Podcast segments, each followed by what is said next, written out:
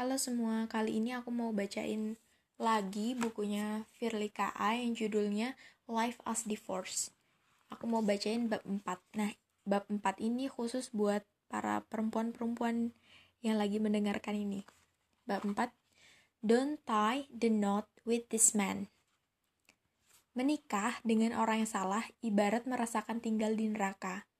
Seperti yang sudah saya mention di awal, marriage itself adalah sesuatu yang paling complicated di seluruh dunia. Apalagi kalau menikah dengan laki-laki yang gak tepat. Nah, bagaimana rupa laki-laki yang gak tepat itu? Bukankah gak tepat buat satu orang, belum tentu gak tepat buat orang yang lain? True, I strongly believe one man's trash is another man's treasure. Saya hanya mau cerita beberapa red dan yellow flags yang saya notice di relationship sebelumnya. Yang pertama, nggak tahu arti kata enggak.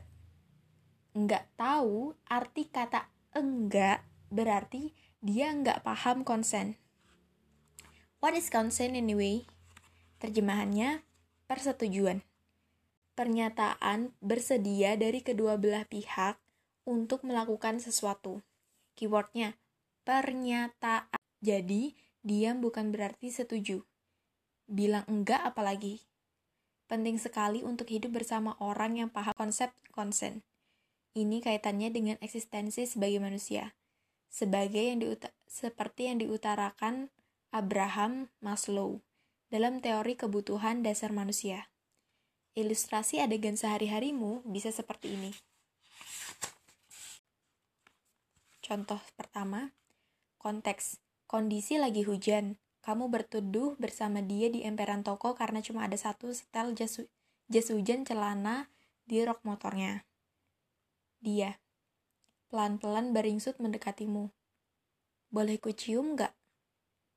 Kamu nge-freeze karena kaget dan gak dengar dia bilang apa. Dia langsung menciummu karena berasumsi diamu adalah setuju. Contoh yang kedua.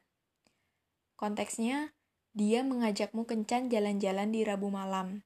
Padahal suasana masih pandemi. Kamu bilang kencannya ditunda dulu karena selama masih di rumah aja untuk apa berpergian. Dia ditelepon. Yang, aku sudah di depan rumahmu nih. Yuk, kamu paham kan? Baru pacaran aja udah seenaknya sendiri. Apalagi nanti saat kamu jadi istrinya. Yang kedua, menyetir tanpa aturan. Apakah kamu pernah tahu ada ungkapan yang menyatakan bahwa perilaku seseorang di jalan raya merupakan cerminan dari karakter yang sebenarnya? Coba saja ajak partnermu road trip. Tentunya nanti kalau pandemi sudah kelar.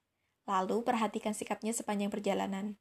Bagaimana dia menghadapi kemacetan, tetap tenang, atau gengges setiap tiga detik membunyikan klakson.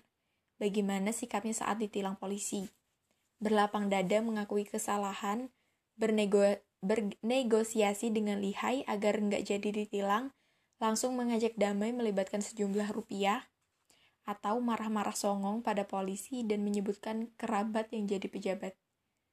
Apa dia memastikan kamu pakai seatbelt dengan benar sebelum road trip? Kalau naik motor, apa dia sesekali lihat spion untuk memastikan kamu baik-baik saja? Bagaimana reaksinya pas kalian kesasar? Kalem sambil memperhatikan Google Maps, atau menyalahkan kamu yang gak tahu arah. Apa dia merokok sambil menyetir? Apa dia main ponsel sambil menyetir?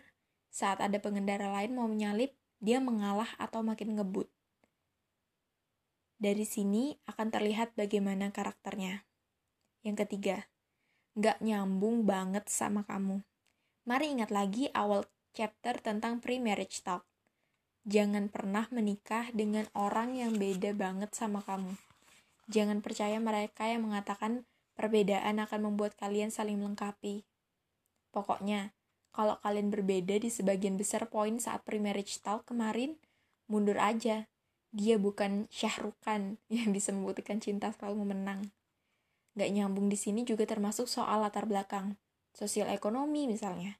Menikahlah dengan seseorang in your language, yang sekufu. Beda latar belakang itu yellow flag. Mungkin kalian berdua saling menghargai, tetapi pernikahan itu bukan hanya menyatukan kalian saja, melainkan juga menyatukan dua keluarga besar.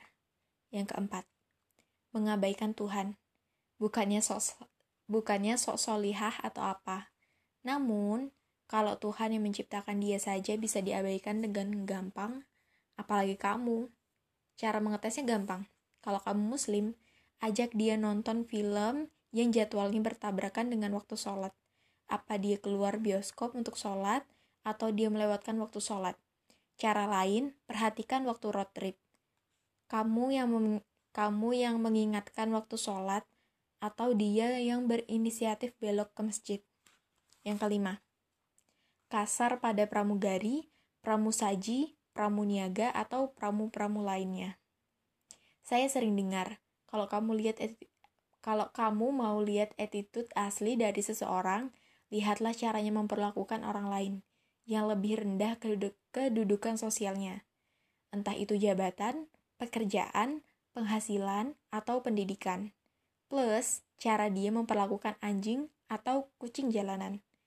Kalau kepada para pramu, dia bersikap sopan, besar kemungkinan dia paham sopan santun dan bisa menghargai orang. Namun, kalau dia kasar, well, ini red flag. Berarti dia punya kecenderungan merendahkan orang lain. Apa kamu yakin mau menikahi orang semacam ini? Yang keenam, nggak ada butterflies on my stomach feeling.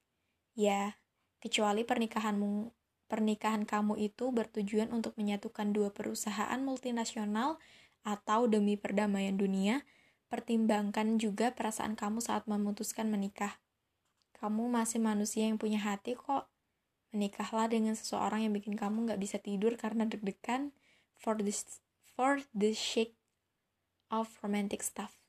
Sound silly, tapi alasan logisnya adalah terasa berat untuk merawat seseorang yang kamu nggak cinta.